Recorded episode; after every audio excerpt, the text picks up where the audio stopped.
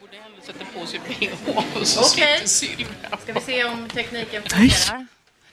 Eh, hjärtligt välkomna till Danske Banks seminarium om företagsfinansiering.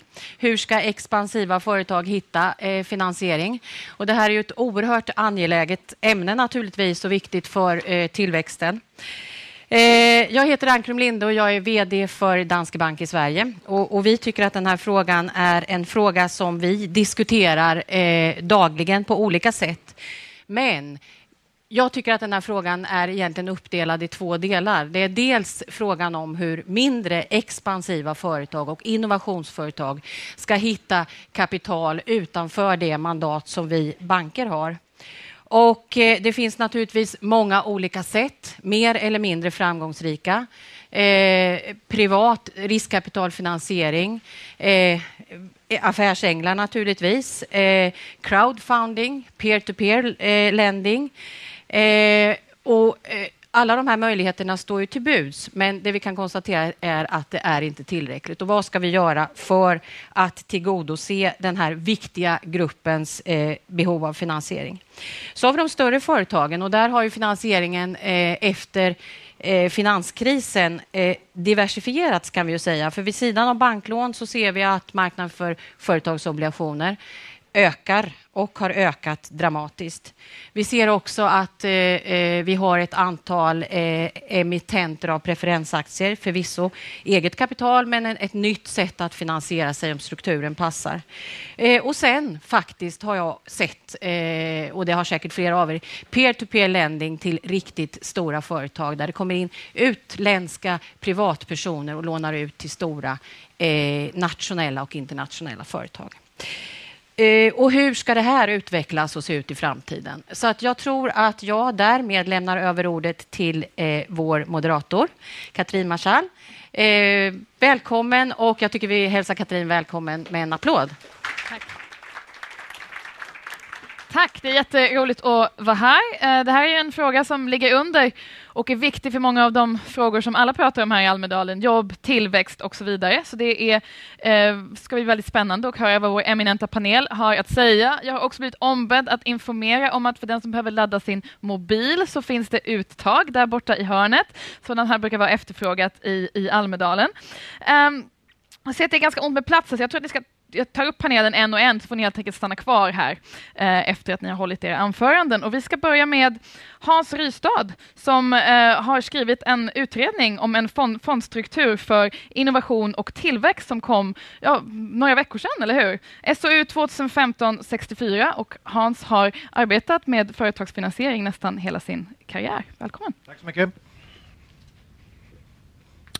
Sätter mig här borta så ni kanske ser om jag vet inte om jag får upp en bild kanske också så kan jag ta den också.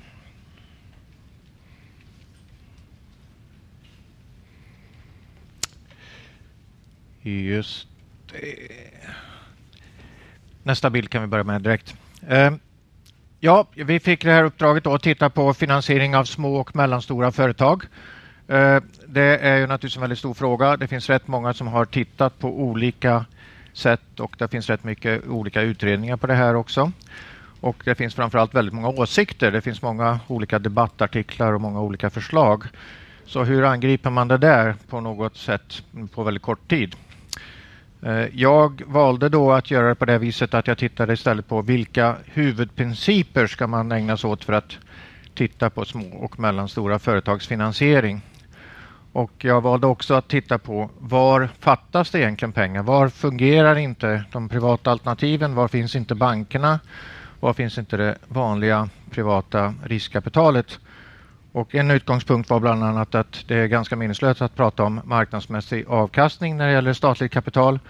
För om det finns marknadsmässig avkastning så behövs ju inte det statliga kapitalet. Och då finns det också och rätt mycket åsikter om att det statliga riskkapitalet är en eh, stor kökkenmöddingblandning heter det väl. Att det ser väldigt svåröverskådligt ut. Eh, och då gäller det då att ur statens synpunkt, ägarnas synpunkt, måste det här vara styrbart och enkelt. Man måste också kunna förmedla vad man vill med det här kapitalet. Det betyder att ur, ett kapit- ur ägarens synpunkt så måste det vara enkelt.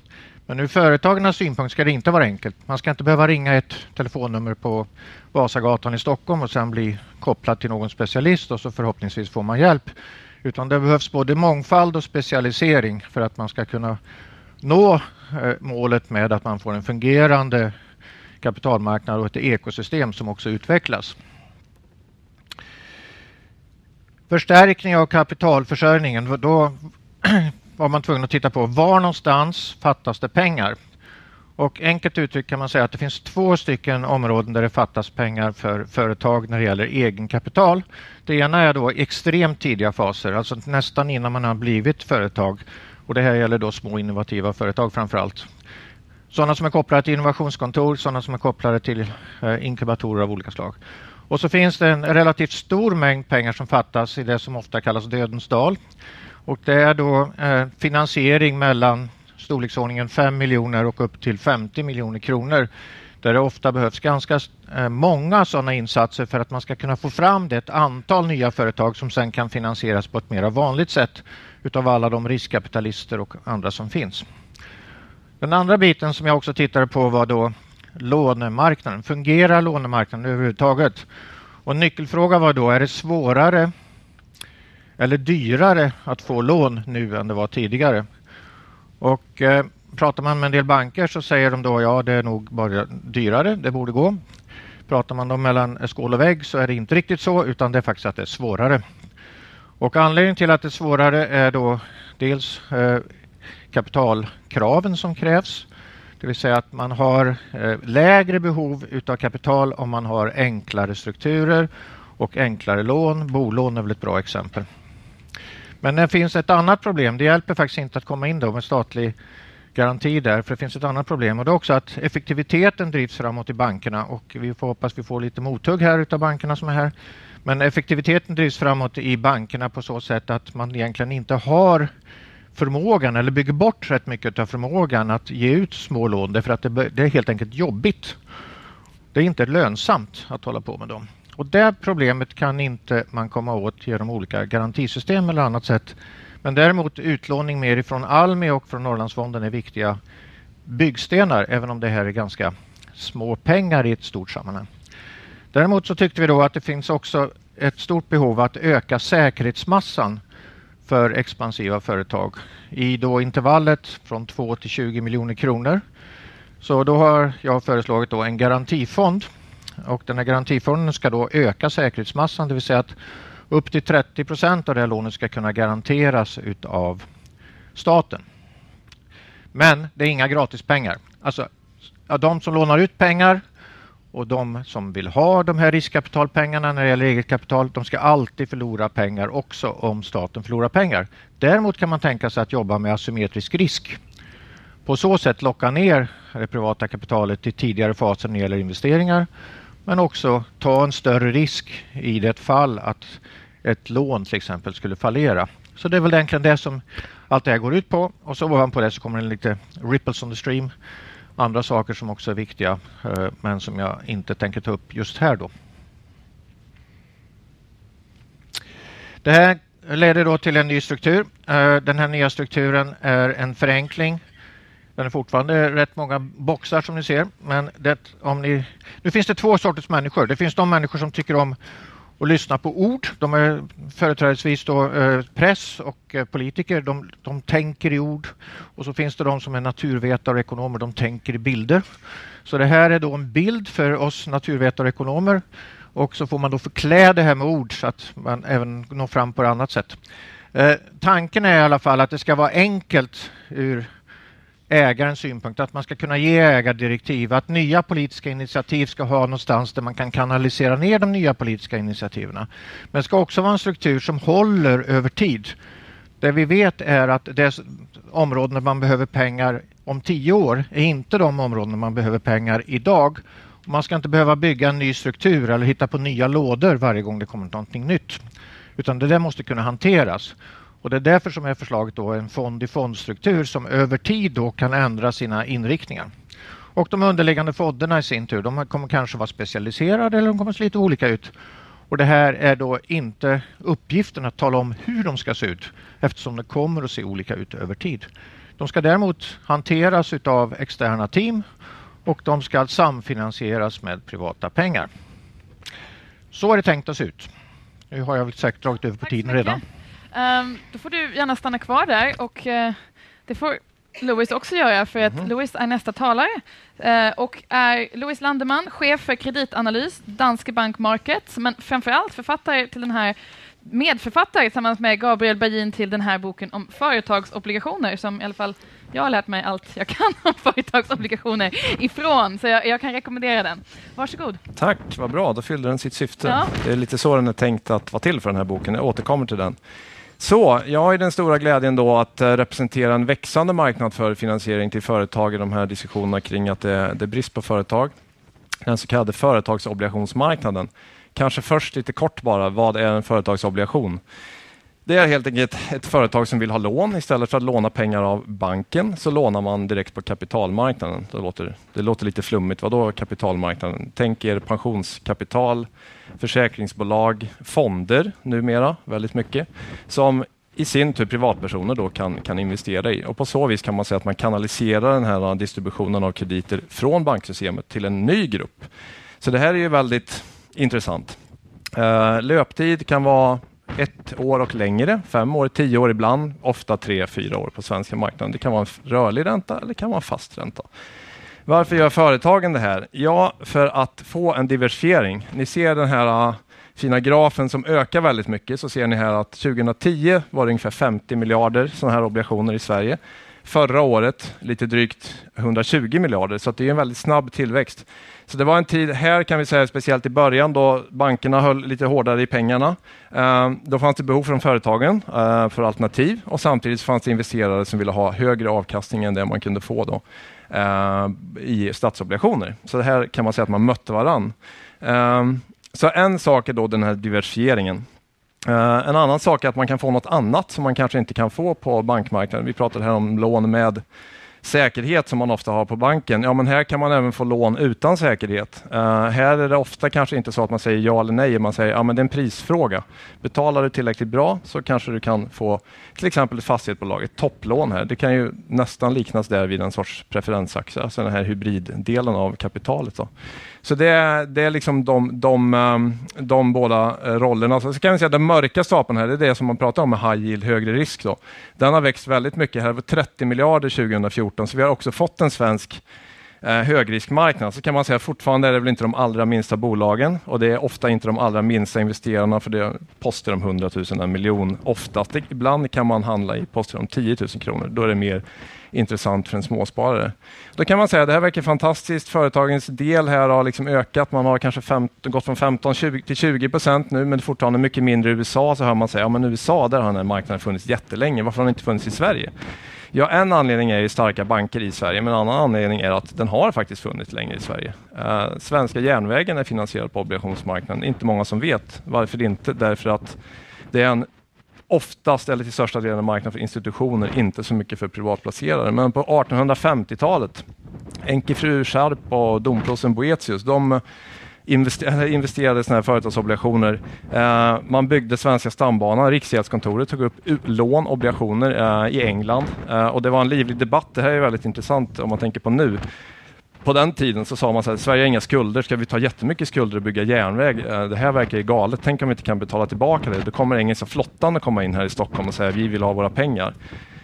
Och det tycker vi nu, det är lite roligt så här, men sen man tänker på det, det är inte så konstigt. Och man var ändå villig att ta den risken och det är det som har grundat vårt, vårt välstånd idag. Eh, är vi idag benägna att ta den typen av risk? Har vi den riskviljan när vi inte ens kan underhålla det järnvägsnät vi har? Det tycker jag är en så intressant eh, funderade. Andra intressanta grejen då, ja, det var stambanan. Sen byggde man stickspår till det och då gjorde man det med olika privata järnvägskonsortier. Det var också till del obligationsfinansierat. Eh, aktiemarknaden var inte så stor då, eh, bankmarknaden var inte så stor. Eh, då fick vi ehm, många som investerade i det, bland annat svenska banker. Och vad hände då? Typiskt då en bankkris på 1870-talet då man satt på mycket av de här obligationerna som gick i konkurs. Eh, och man fick instifta eh, en bankakut eh, för att hantera det. Stockholms enskilda bank var på fallrepet men man fick stoppa in pengar, eh, de här obligationerna där och fick pengar från staten och så löste man ut det. Också en intressant parallell och apropå då dagens marknad. Det här är en del av det så kallade skuggbanksystemet. Um, och då ska man tänka på det. Den är kanske mindre reglerad, men ju större den blir, desto mer behöver den regleras och kontrolleras. Och apropå, ska man tillåta den för ännu mindre företag? Ja, kanske, men då är det extremt viktigt. Man får inte bara tänka på företagens behov, utan även på investerarna. Investerarna som ska köpa det här måste ha rätt information. De måste förstå vad det är. Eh, ett litet företag, det kanske är nästan att likna med aktiekapital, för det är där man är i kapitalstrukturen. Man kanske inte har något skydd, men det säljs kanske som ett lån. Då är vi inne på, ja det här känns ju lite farligt. Då är det extremt viktigt med information. Därav då min andra bild som är sista också, eh, den här boken. För att tanken med den, det är liksom ingen reklamprodukt för Danske Bank, utan det är Eh, vad är den här marknaden? Den ska vara en guide för investerare, en guide för företag eh, att veta mer och även den allmänintresserade. Hur kreditmarknaden, eh, det är ekonomins blodomlopp. Superviktigt. Nu titta på Grekland till exempel. Så vad händer när en stat går i konkurs? Vad händer när banker går i konkurs? Det är sådana saker också i den här boken. Så läs gärna den. Och sen har vi även startat en podcast. En av de få, definitivt den enda i Sverige, som handlar om kreditmarknaden. Um, här ett avsnitt om, om fastighetsbolag och preferensaktier, men vi har gjort allt ifrån kommuners finansiering till uh, hur, vad händer om bolag, bolag går i rekonstruktion. Det finns supermycket mer att säga, men jag stoppar där. Det var säkert minst fem minuter. Toppen, du får gärna ta några steg åt det hållet. Och, uh, uh, ja, jätteintressant. Det är tur att IMF inte har en flotta, annars hade den seglat mot Grekland. snart. Um, Nästa talare är Carolina af Ugglas, vice VD och ansvarig för samhällspolitisk verksamhet Svenskt Näringsliv och tidigare varit aktiechef på Skandia. Välkommen. Tack. Tack. Får tala lite tystare, tror jag. Ja, vad vill du att jag ska säga? ja. jo, det här är ju enormt viktiga frågor för svenskt näringsliv. Jag såg dem redan som aktiechef, så att säga, så jag kommer röra mig lite ur båda perspektiven. Men vad vi vad vi inte riktigt har berört och vad vi kommer få mer diskussion eh, kring när Rickard kommer upp på golvet också, det är vår bedömning från Svenskt Näringsliv det är att det är ett, ett eh, enormt gap här i alltså utlåningen till mindre bolag. Det är för svårt, det är komplicerat. Om man bara gör en liten råa jämförelse mellan Europa och eh, USA så ser vi att USA har tagit sig upp ur finanskrisen Eh, Europa har det inte. Och det, det, finns ju många skäl till att vi inte har tagit oss upp, men ett av dem är att finansieringen till mindre bolag eh, är mycket svåråtkomlig. Eh, vad man har, ofta det man får är sällan i Sverige i alla fall riktiga krediter, utan det handlar om factoring i ganska stor utsträckning och då är det ju mer bäring på eh, den fakturerade volymen man har i sin verksamhet snarare än ett uthålligt lån som är robust över en kris. Och det har mycket med, jag brukar säga det i vissa sammanhang, att vi, vi, eh, vi håller på att förstöra vår finanssektor lite grann och det är för överdriven reglering och det är för att vi vill försäkra huset när det redan har brunnit ner och det gör att, att riskkapital i bankerna blir eh, på sätt och vis allt dyrare men framförallt så styr det bort från eh, små och medelstora bolag. Så läget är allvarligt. Det kommer bli ännu värre när Basel 3 har genomförts. Då kommer väl volymen kanske halveras och alltså är gapet eller hålet i marknaden behöver fyllas utav sannolikt en annan aktör eller ett konsortium av bankerna eller eh, andra aktörer kort sagt. Obligationsmarknaden som vi hade uppe här, den, jag håller med om att den inte, kommer inte öppna sig för mindre och medelstora bolag och det är ändå eh, där problemet är. För alltså, lånemarknaden för större bolag har ju blivit det fanns ju inte som aktienörd i ens vildaste fantasi att man skulle kunna låna pengar till till lägre än vad stater normalt sett gör över väldigt långa perioder. Det har ju emitterats, är den längsta emitterade bankobligationen är det 50 år nu som ja, jag har sett. Och eh, till, företag som gjorde en 100-årsobligation till och med. Att, precis, mm. obefintlig mm. ränta. Det är ju mm. helt fantastiskt. Men aktien i det bolaget kan man ju mycket väl köpa för de har ju fått en finansiering som sannolikt kommer vara enastående, allt annat lika. Men åter till de mindre bolagen. Vi är ju oerhört angelägna att det här hålet ska fyllas på något sätt. Och då behöver man enklare former. man behöver kanske eh, gå mot att poola resurser. Det är möjligt att man skulle kunna extrahera dem ur, ur bankernas system på något sätt. Så det är olyckligt att man liksom eh, tillbaka investerar bemanningen i de sektorerna. Och eh, i Basel, alltså det finns all anledning till oro, för i Basel 3 vad jag förstår så går man ännu längre att man man gör bedömningar av risk enligt en ganska enkel modell och det kommer göra det ännu mer komplicerat för man kommer plocka bort stora delar av det som är, är bankernas, eller har varit bankernas stora kompetens. Att man vet vilka entreprenörer lokalt som har förmåga att eh, driva upp bolag och få dem vidare. Jag är jätteoroad här. Det ska bli intressant att höra fortsättningen på dagens diskussion. Jag tycker det är ett eh, berömvärt eh, initiativ faktiskt från statens sida att sätta Hans på att göra den här utredningen. Och sen får vi se. Allt är inte lysande, men mycket är lysande och eh, det är vi glada för. Tack. Tack så mycket, Caroline. Uh, välkommen upp, Rickard Josefsson, VD Länsförsäkringar Bank. Tack så hemskt mycket. Jag kände direkt att jag fick mycket att försvara. Eh, jag tror så här. Tack så mycket. Jag tror så här att man, får ju, man måste komma ihåg några fundamenta. Och det är att banker är inte riskfyllda i sin utlåning och skall inte så vara. Och det är ju kopplat till avkastningsfrågor och prissättningsfrågor. En bank får ju räntan och förhoppningsvis amorteringen och hur bra det än går för kunden så får man inget mer. Det finns ingen uppsida i bankutlåning. Å andra sidan så tror jag, och det är jag övertygad om, att ungefär 70 procent av småföretagen som går till sin bank får faktiskt låna pengar idag. Kan vara en factoringkredit eller någonting, men de får någon typ av finansiering. Det är 30 procent som får nej. Den stora utmaningen tror jag, eh, och jag pratat lite om, det tidigare, då, det är att det finns någonting mittemellan eget kapital och bankfinansiering som man inte ska putta på bankerna. Utan där tror jag svenskt näringsliv har behov av nya konstellationer. Jag tror digitalisering kan ha en betydelse. Om du tittar exempelvis på First North-listan så är ju det egentligen en crowdfunding i strukturerad form där liksom bolag under utveckling hämtar in kapital. Hur kan vi hitta småföretagsobligationer utan att för den skull sälja något till investerarna som de inte förstår? Så att jag tror att vi, hur kan Almi spela in i det här? Statliga kreditgarantier. Jag tror inte att den här diskussionen löser sig genom att skylla på varandra, vem är dum och inte dum. Däremot så tror jag att det finns vad, vad, vad som sades tidigare, det finns ju en stor fara i hela regelverket. För regelverket skapar inte incitament för banker att växa. Och då är det klart att det som man inte vill växa, då kommer man höja priset på krediter och inte ha så mycket krediter ute. Incitamenten är balance sheet management, kapitaloptimering. Och då är det klart att det är ju inte bankernas fel, det är de regelverk vi lever under för att kunna hantera vår verksamhet. Så jag tror att vi står för en väldigt utmanande tid. Och just Baselregelverket som kan slå in nu eh, lite olyckligt, det har en politisk dimension i, i Sverige där vi kommer se deleveraging av banksektorn som kan ha väldigt olyckliga konsekvenser. Och den debatten måste föras både i banker, näringsliv och politik. Det var vad jag tänkte inleda med. Mm, tack så mycket. Um, och sista talare, Elisabeth Tandringqvist, ordförande för Svenska riskkapitalföreningen och känner henne som tidigare VD på Företagarna. Jag tror vi kommer få lite av båda de perspektiven. Ja, tack. Um, expansiva företag behöver ju olika typer av kapital. Det är ganska uppenbart, därför vi har hört här. Och, men ofta när vi tänker på expansiva företag så tänker man på sådana som ska bli globala. Det är där vi har den mediala debatten idag. Vi tänker på att de behöver eh, venturekapital eller tillväxtkapital.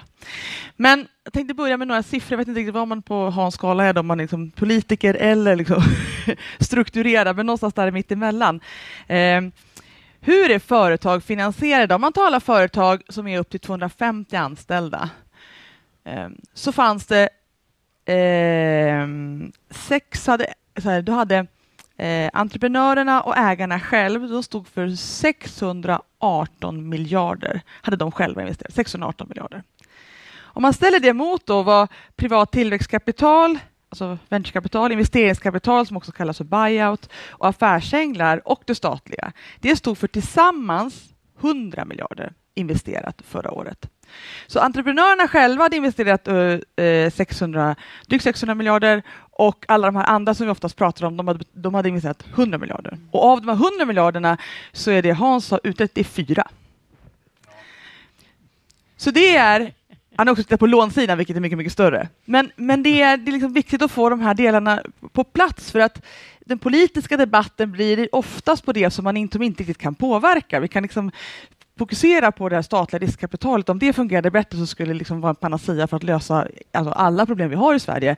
Eh, när det egentligen handlar om hur ska vi se till att företagare och vi alla kan investera mer i företag? Hur kan vi se till att det eh, är bra för företag att återinvestera vinster? Hur kan vi se till att för oss alla som säljer av företag att de vill gå in i nya företag istället och så att se till att den här att, att man väljer kanske att inte gå, nu tar jag emot mina egna medlemmar, men alltså att man inte går, går in via bara liksom, att fonder och pensionskapital och försäkringskapital. Vi lägger alla våra sparpengar i stora anonyma fonder och sen hoppas vi att en liten del kommer tillbaka genom det som är venturekapital och buyout. Så det är en eh, och de politiska effekterna av det där är, är, blir ganska stora, för det är andra politiska lösningar som är nödvändiga. Då. Om man frågar företagarna själva så är det lite så här, man får en väldigt dubbel bild om det finns för lite, om, om kapital är det som är deras största tillväxtproblem. Företagarna gjorde undersökningar en gång i halvåret, eh, gör det fortfarande, och så då tror jag det, det ligger ungefär mellan 8 och 10 procent som säger att kapital är deras största problem. Kostnader för anställda är deras allra största problem. Det är här, tre gånger så viktigt. Um, när vi har nu precis nu frågat, eh, eh tänkt att vi måste lösa det här ytterligare. Vi kom, om vi kommer ner en nivå till, kan vi liksom hitta någonting som säger något då? Om vi jämför de som är snabbväxande småföretag, alltså de växer 20 procent gaselltillväxt, med någon sorts kontrollgrupp. Eh, vad säger de då? Då kommer det ändå vara så, tänkte vi, att eh, det kommer vara så att de här snabbväxande, de har ett kapitalproblem ja, på en skala från 1 till 5 tyckte de att det var ungefär 2 jobbigt. Och de som var kontrollgruppen tyckte att det var 1,5 jobbigt. Så det finns, några, det finns en del företag, framförallt runt om i Sverige, och precis som Hans pekar på, som inte har några tillgångar. Där hus, deras liksom, finns det någon fast tillgång så har den nästan inget värde. För så fort man har byggt upp den så sägs det att den är noll eh, värde på banken. Eh, för att man inte är i tillväxtområden. Så och det finns också de här områdena där man har utveckling och tillväxt i eh, tekniktunga tillfällen där det tar ganska lång tid innan man får några, intäkter. De har också problem. Eh, men sen är det så här, vi måste, man måste skilja på lånefaciliteter som är viktiga för viss typ av bolag och sen är det liksom, eh, det som de som ska ha venturekapital som är en helt annan typ av bolag. Tack så mycket. Om vi börjar på, på banksidan, som jag förstod det är ändå en hyfsat enighet i panelen om att det finns ett problem framför allt med att banker inte vill ge små lån förutom hos Rickard. Du delar inte den nej. bilden. Nej, alltså men alla ni andra delar den bilden. nej, men om, du om du tittar idag så på Q1 nu på alla banker så ökar faktiskt företagsutlåningen. Mm. Jag kan ju bara titta i min egen bank, vi ökar småföretagsutlåningen. Däremot så tror jag att vi har ett problem i att för jag reser väldigt mycket och träffar många småföretagare, så säger de så här, banken lånar inte ut pengar. Och så bara, ja, har du varit på banken? Nej. Så att vi bildar någon myt om att det, liksom, det, det är ingen idé att gå till banken. Och det tror jag, där finns det ett litet mörkertal faktiskt. Jag, jag, jag undrar, för, för det jag hör från många företagare det är att räntan har slutat bli ett pris på lån, att det är binärt. Mm. Alltså förut var det så, om du hade lite högre så kunde du betala lite högre ränta. Idag funkar det inte så, utan så här, det finns ett lån, det har den här räntan och fyller du inte de kriterierna så får du inget lån. Stämmer det? Vi, vi, vi, jobbar med en individuell prissättning på de lånen, men det är klart att riskviktsgolv, alltså hela regelverken gör att du får en mer och mer standard, standardiserad prissättning på risk utifrån ett banklånsperspektiv. Jag tror att vi är på väg åt det hållet. Sen är det bara frågan hur, lång, hur långt vi har kommit i den, i den resan. Mm. Caroline, din bild var att det var svårt för mindre bolag. Det är otvivelaktigt svårt. Jag tycker Elisabeths illustration då, det var ganska bra. Det här att man har eh, liksom faktor 6 eh, på vad man lägger in för eget kapital som egna sparpengar. Om vi tänker på att vi ska lösa våra problem om tillväxt i det här landet. Som, som, eh, alltså produktiviteten har planat ut. Vi, vi har inte det tempo som vi är vana vid. Det är ett ganska allvarligt läge. Och eh, då litar vi väldigt mycket på nya företag och mindre bolags förmåga att anställa, rekrytera, växa och eh, hitta sina former. Om man har 1 till 6 eh, eget kapital mot vad du kan få tag i från andra så är inte, den relationen ser inte likadan ut överallt i världen och den bör se annorlunda ut. Vi har, för dessutom det är ett strukturellt problem i Sverige att, att att vi har eh, bland världens högsta skatter så vi orkar inte själva spara ihop till det här kapitalet som då behövs för att, starta. Eh, utan då krävs det i högre utsträckning än i jämförbara nationer förmåga att låna istället. För vi har bundit upp våra kapital i den mån de finns i våra tjänstepensioner och i våra bostäder. Och det finns alltså ingenting tillgängligt för investering i de egna företagsidéerna som i allmänhet uppstår när man är kring 38. Mm. Ungefär. Hans som, eh, som definitivt menade att det fanns ett problem för småbolag. Ja, jag menar nog att det är ett problem och eh, man kan dela in det på två olika sätt. Man kan säga, finns det ett generellt finansieringsproblem i Sverige? Och då är svaret nej. Alltså det har väl nästan sällan funnits så mycket eget kapital och sällan funnits så välfungerande banker. Alltså det finns väldigt mycket kapital om man tittar på totalen, men man får då fel bild av hur det ser ut. Man ska titta på den lilla mängd företag som antingen inte har någon säkerhetsmassa, det vill säga att det inte finns i storstadsregion eller har lyckats bygga upp en säkerhetsmassa. Alternativt har en, en snabb tillväxt och alltså lever i någon form av kassaflödesnegativ eh, position. Nu är det ju så att man ska inte låna ut pengar till alla bara för att de behöver, säger att de vill ha pengar. De alla, det finns rätt många företag som inte ska få några lån de är ganska många. Så en stor del av de här som säger att det är svårt att få lån, de ska inte ha någon lån helt enkelt. Men det finns en, en, grupp kvar som är väldigt viktiga för hela samhällsutvecklingen. Och det är de som man på no olika sätt måste prata med och försöka hjälpa då. Och hitta nya instrument eller hitta nya, nya produkter som man kan samla de här lånen då. Eh, man kan tänka sig, vi tittar på sådana här scorecard-modeller. Eh, det var en möjlighet. Vi tittade också på att vi pratade med bankerna och de, mellan skål och vägg så säger de alltså då att ja, jo, effektivitetskraven, Basel 3-kraven och sånt här gör att liksom det är inte jätteintressant att hålla på med de här lånen. Det finns andra produkter som vi tjänar mer pengar på.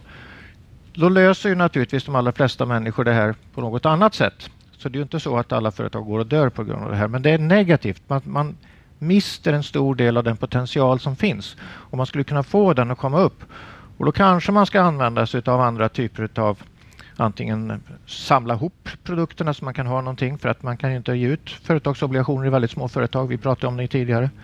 Eller att man kan hitta andra sätt att mäta risk så att man liksom bandlar ihop det på olika sätt. Det blir väldigt tekniskt när man pratar om de här. Men alltså att problemet finns, det är väldigt uppenbart och det kommer inte bli lättare, tyvärr, tror jag. Utan det gäller att försöka hitta sätt att mot, mota det här på något sätt. Mm. Om det, eh, om det ska vara att man ger incitament eller att man ger garantier eller att bankerna hittar på nya produkter. Men det finns ju ljus, ljustecken i allt. Alltså om man tittar på hur banksektorn har utvecklats på den privata sidan så kommer det upp företag efter företag. En del av de här blir nu noterade till väldigt höga och attraktiva multiplar som egentligen ägnar sig åt lån till privatpersoner. Det finns väl ingen anledning att tro att det inte kommer att hittas nya produkter och nya företag som också kommer att eh, liksom försöka utnyttja det marknadsnisch som ändå har uppstått. Men det tar tid och in, in the meantime så borde ju bankerna kanske hitta på någonting som inte blir av med den här produkten också. Det borde vara ligga i deras eget intresse. Elisabeth vill ha replik på det. Eh, jag bara spela in lite marknadsperspektivet. Det kanske inte var så många som noterade det, men när vi såg på företagsobligationsmarknaden såg vi att den växte väldigt kraftigt i fjol. Men om ni såg på hur den har gått hittills i år så är den ner eh, ganska mycket. Det finns flera anledningar till det, men en anledning är faktiskt att på vår marknad för de här high bolagen blivit lite dyrare. Samtidigt så är bankerna just nu, eh, som Rickard var inne på, väldigt expansiva så att de eh, upplever vi erbjuder i många fall då konkurrenskraftiga utlåningsvillkor jämfört med det man kan få på marknaden. Samtidigt ska man säga då, det är ju de bolagen som så att säga kvalar in i de här bankernas scoringmodeller. Och det är säkert helt riktigt som du säger att det finns då en grupp som hamnar, hamnar utanför. Jag tyckte du hade en bild som var rätt intressant. På de här nya fonderna så har du bland annat det här med en grön fond som jag tror är delvis EU-relaterat. Eh, det tycker jag är ganska intressant själv, för man kan ju tänka sig olika typer av lösningar där staten går in eh, och även gör en del marknadsfinansiering. Vi skulle kunna tänka oss en, en, grön fond där staten tar upp lån i eget namn och det ska gå till gröna investeringar. Vi vet till exempel på vår marknad det här som man kallar för gröna obligationer är växande.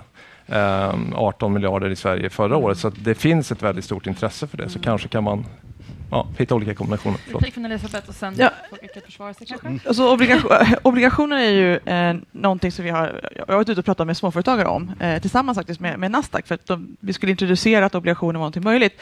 Och det kan man säga, I en grupp så här så kanske det var en företagare som kom fram efteråt och tyckte att det kanske var någonting som var intressant, därför att och många tyckte det var intressant innan mötet, sen när de förstod att prislappen för att ens göra hela det här obligationsrådet, alltså kostnaden för alla jurister och andra som ska in och hantera det här, det är, eh, där back, backar ju många. Så där, men då tänker jag så här, i den, alltså de, de digitala plattformar som finns, som har spelat fram det några år, kan det vara så att noteringskostnaden för ett obligationslån kan liksom gå ner därför att det är, en, det är trust som vi bygger upp på massa andra plattformar för peer-to-peer lending och crowdfunding. Det måste ju, om man kan ta det i ett lite säkrare miljö så borde man kunna få en, en obligationsmarknad som kan vara lite mer digitaliserad och då skulle det liksom möta en uh, helt ny marknad. Vill du ha en kort replik på det?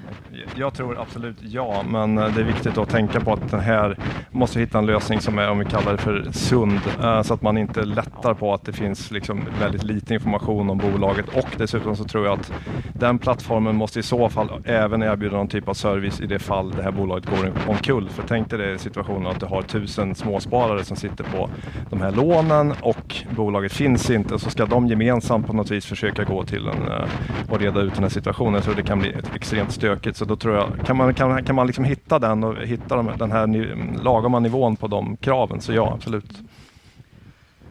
Rickard? Ja, det finns en, ett perspektiv på det här, för jag ska ge dig rätt i en form, för jag tror att det stod på en av dina slide distribution.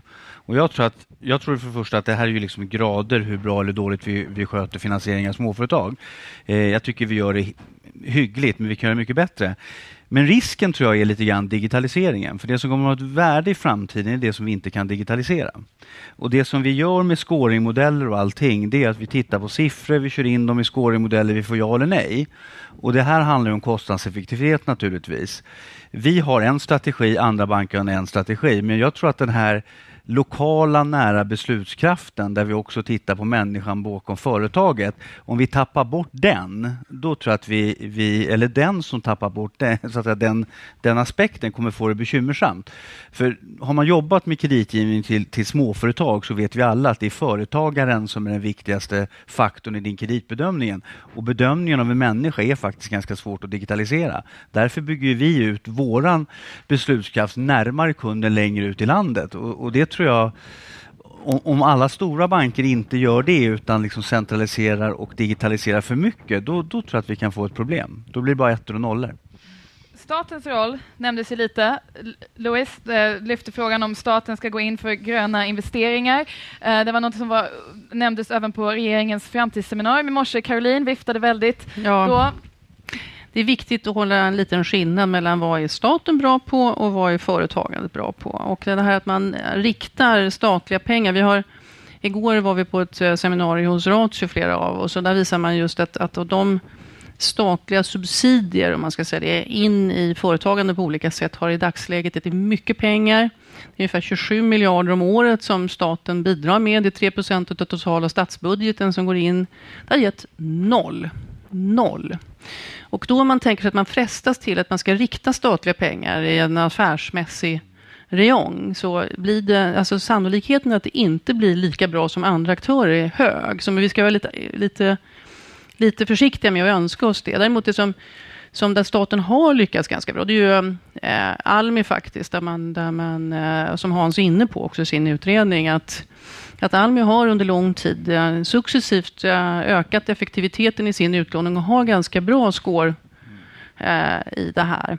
Och man kan tänka sig att man skulle kunna sänka avkastningskraven i Almi snarare på så sätt. Alltså öka risken lite grann och få ut lite mer guld till mindre bolag. Men ni är alla inne på här egentligen att risken är hög. Det är inte säkert att det ska ligga i banksystemet. Sannolikt kommer det dyka upp andra aktörer men då måste ju konsumentskyddet följa med.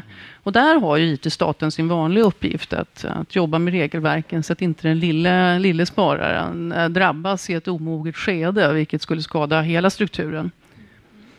Ja, eh, en del av er har varit inne på detta tidigare, men det är riskerna med skuggbanksektorn och i tider när det, när det skakar igen på de finansiella marknaderna och kan skaka mer bara om några dagar. Hur ska vi tänka kring, kring det här?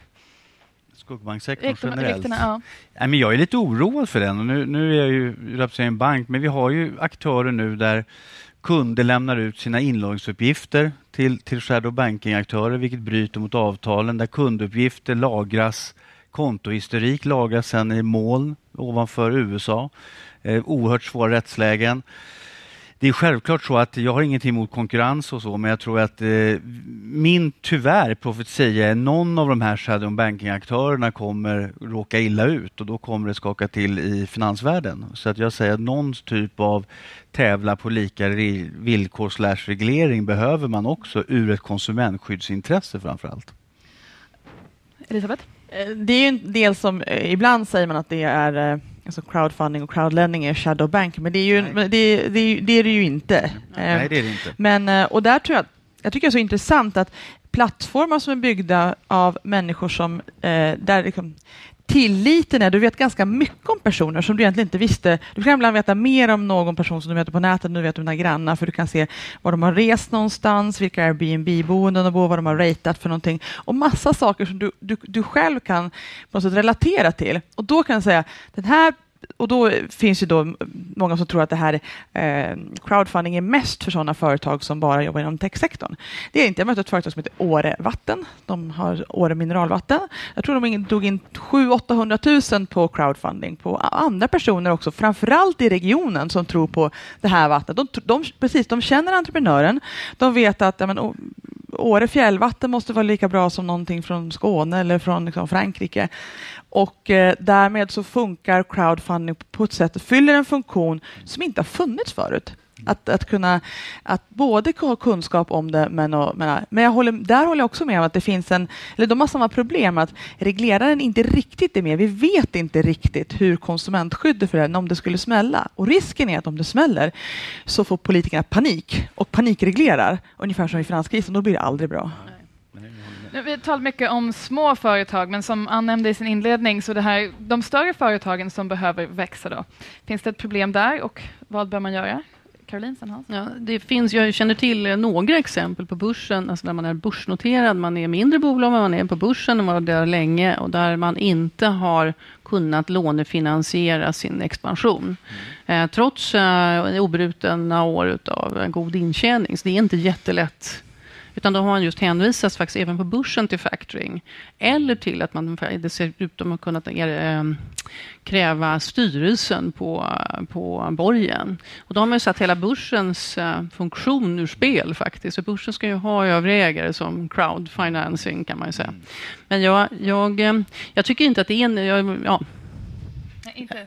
Ja, det, det, är alltså ett, ett större problem, ett större problem. Än, vad vi, än vad vi tror, även bland större bolag. Så att säga. Så att risk, Eh, de kan ju släppa ut obligationer, men det är ganska dyrt att göra den resan. Kort replik från Louis Hansen. Ja, ja att, att, sätta upp program för att komma ut på marknaden är kanske dyrt, men när det väl har gjort det så kan vi se att de här stora företagen, typ Telia och så vidare, kommer ut på extremt ja. Eh, bra villkor och väldigt långa löptider. Vi pratar kanske ibland på euromarknaden obligationer på 20-30 år, så jag upplever nog att den kategorin företag, i alla fall på marknaden, får väldigt väldigt bra villkor. Och sen bara för att passa tillbaka det med gröna fonder, jag kanske också breddar diskussionen lite för mycket. Min tanke var kanske inte egentligen att det skulle vara primärt för småföretag, men jag tänker mig mer den här omställningen till eh, ett förnybart samhälle och de stora infrastrukturinvesteringar som ska göras kan delvis finansieras på obligationsmarknaden. Mm. Kanske via en fondfond eller andra, på andra sätt också.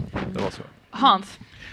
Jag är av åsikten att eh, kapitalmarknaderna fungerar egentligen väldigt bra för mellanstora och stora företag. Och så finns det en gråskala ner till de, de små bolagen. Men i och med att det också finns så väldigt mycket riskkapital eh, i landet och då tänker jag då på olika private equity-företag men också rätt mycket privatinvesterare. Privatinvesterare eller så kallat informellt privatkapital som man inte riktigt kan mäta. Det är i storleksordningen 4 miljarder om året så det, det, är rätt mycket pengar och det är mer då än vad de statliga riskkapitalbolagen skulle investera. Mm. Så man, får, man liksom måste hålla dem, jag håller helt med, man måste liksom ha klart för sig vilka storleksordningar vi pratar om. Det här är, det som jag har utrett, det är ju liksom för en liten nisch där det faktiskt behövs de här pengarna. Men i det stora hela finns det ganska mycket. Och jag menar på att om bolagen har blivit hyfsat stora då finns det nästan alltid privata alternativ om företagsidén är tillräckligt hållbar. Det är klart, den kommer i sådana här kriser som 2008 när ingen får finansiering. Men det, det, är, liksom, det är ju blippar i kurvan på något sätt. Kort replik från Elisabeth, sen kommer jag öppna upp för publiken. Mm. Ja, det är ju det har ju varit väldigt, eh, de som aktörer som har varit inom investeringskapital och alltså private equity har ju gått väldigt bra i Sverige. Och det har ju varit för att man har haft en, eh, det har funnits många medelstora företag som, som genom att var, bli en del av ett private, alltså private equity också får tillgång till lån med lånevillkor som de aldrig skulle få om de skulle gå till en lokala bank. Mm. För det är klart att en, en EQT eller Segula, de har helt andra bankrelationer än vad Karlssons Mekaniska med 250 anställda har. Mm. Så det har ju hjälpt de här. Det är inte bara det att de eh, kommer in med aktivt ägande och, med, och eh, eh, köper in sig i bolag har också tillgång till de här lånen som gör att de kan expandera väldigt snabbt. Och det, eh, det är nog en omställning som kommer att fortsätta i Sverige. Uh, nu tänkte jag öppna upp för publiken. Jag ser, ni har lyssnat väldigt koncentrerat. Ni måste vara mycket kunnig, eh, engagerad publik. Det finns en mick där uppe, en mick där nere. Eh, vi kommer ta två frågor åt gången. Det är en här i blått där framme som viftar där uppe. En mick på väg. Här har jag en mikrofon. Där. Tack. Jens Spendrup heter jag, ordförande för, i eh, Svenskt Näringsliv. eh, det är tryggt att vi har ett starkt och bra sparande i Sverige. Problemet är de allra minsta företagen. Kan man tänka sig, och det här är en fråga jag riktar till er, kan man tänka sig att små företagare skulle kunna använda delar av sitt pensionssparande som säkerhet för lån i bankerna och på så vis slippa gå vägen via statliga eller halvstatliga organisationer som ska bestämma om de har framtiden för sig. Låt dem bestämma det själva genom att sätta sitt, delar av sitt eget pensionssparande på spel.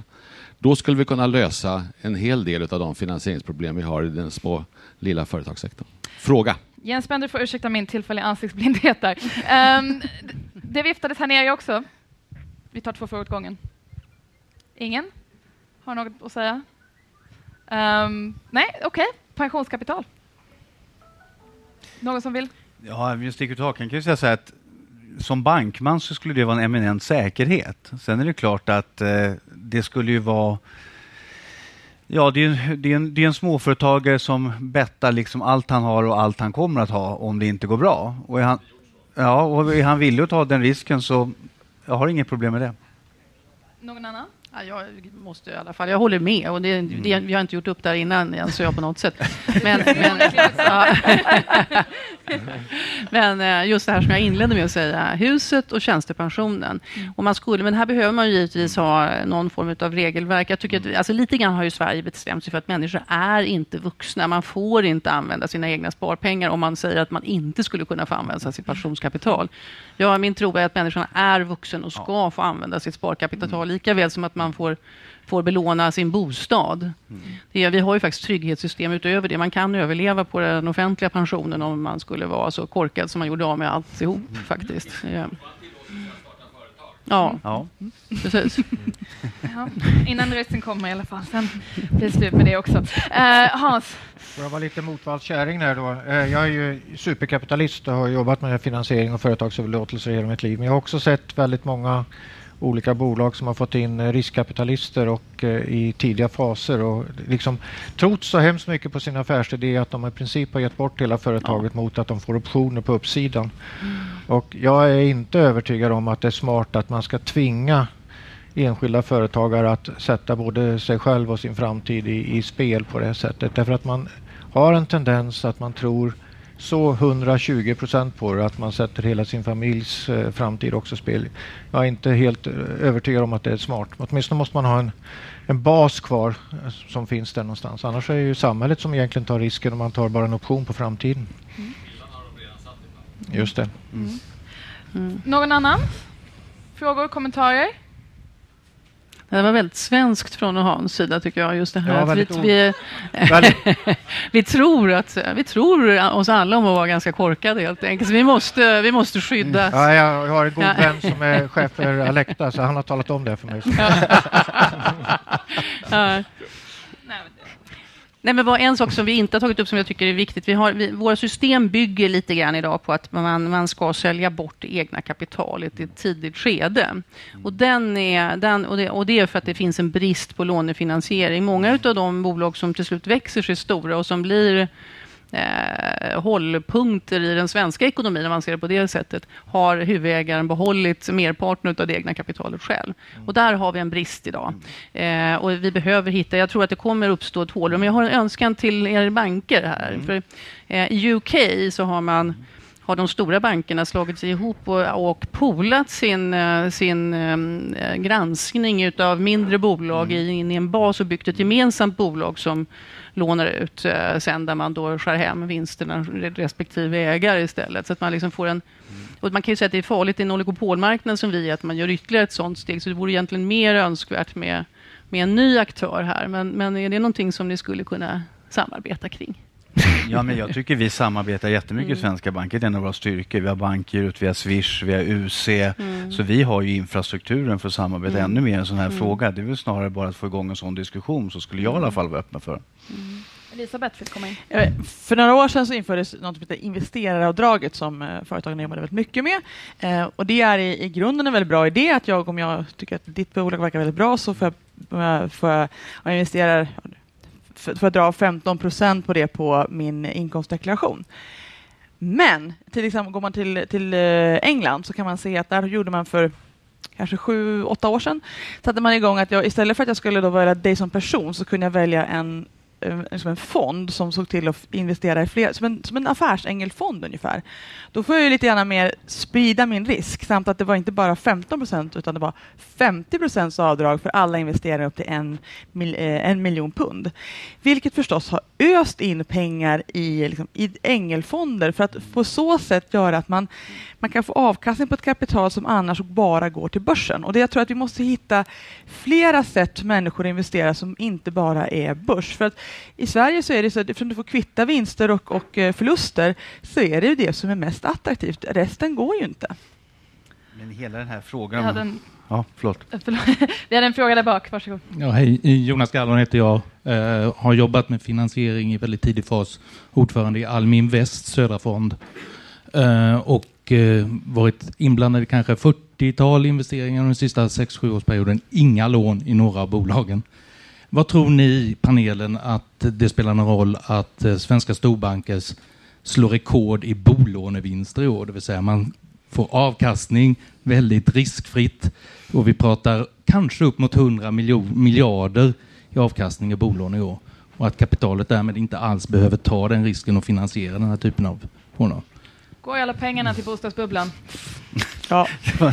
Nej, det tror jag faktiskt inte. Och sen tittar man på avkastningen på eget kapital i bolåneprodukten, det är inte så jätteimponerande.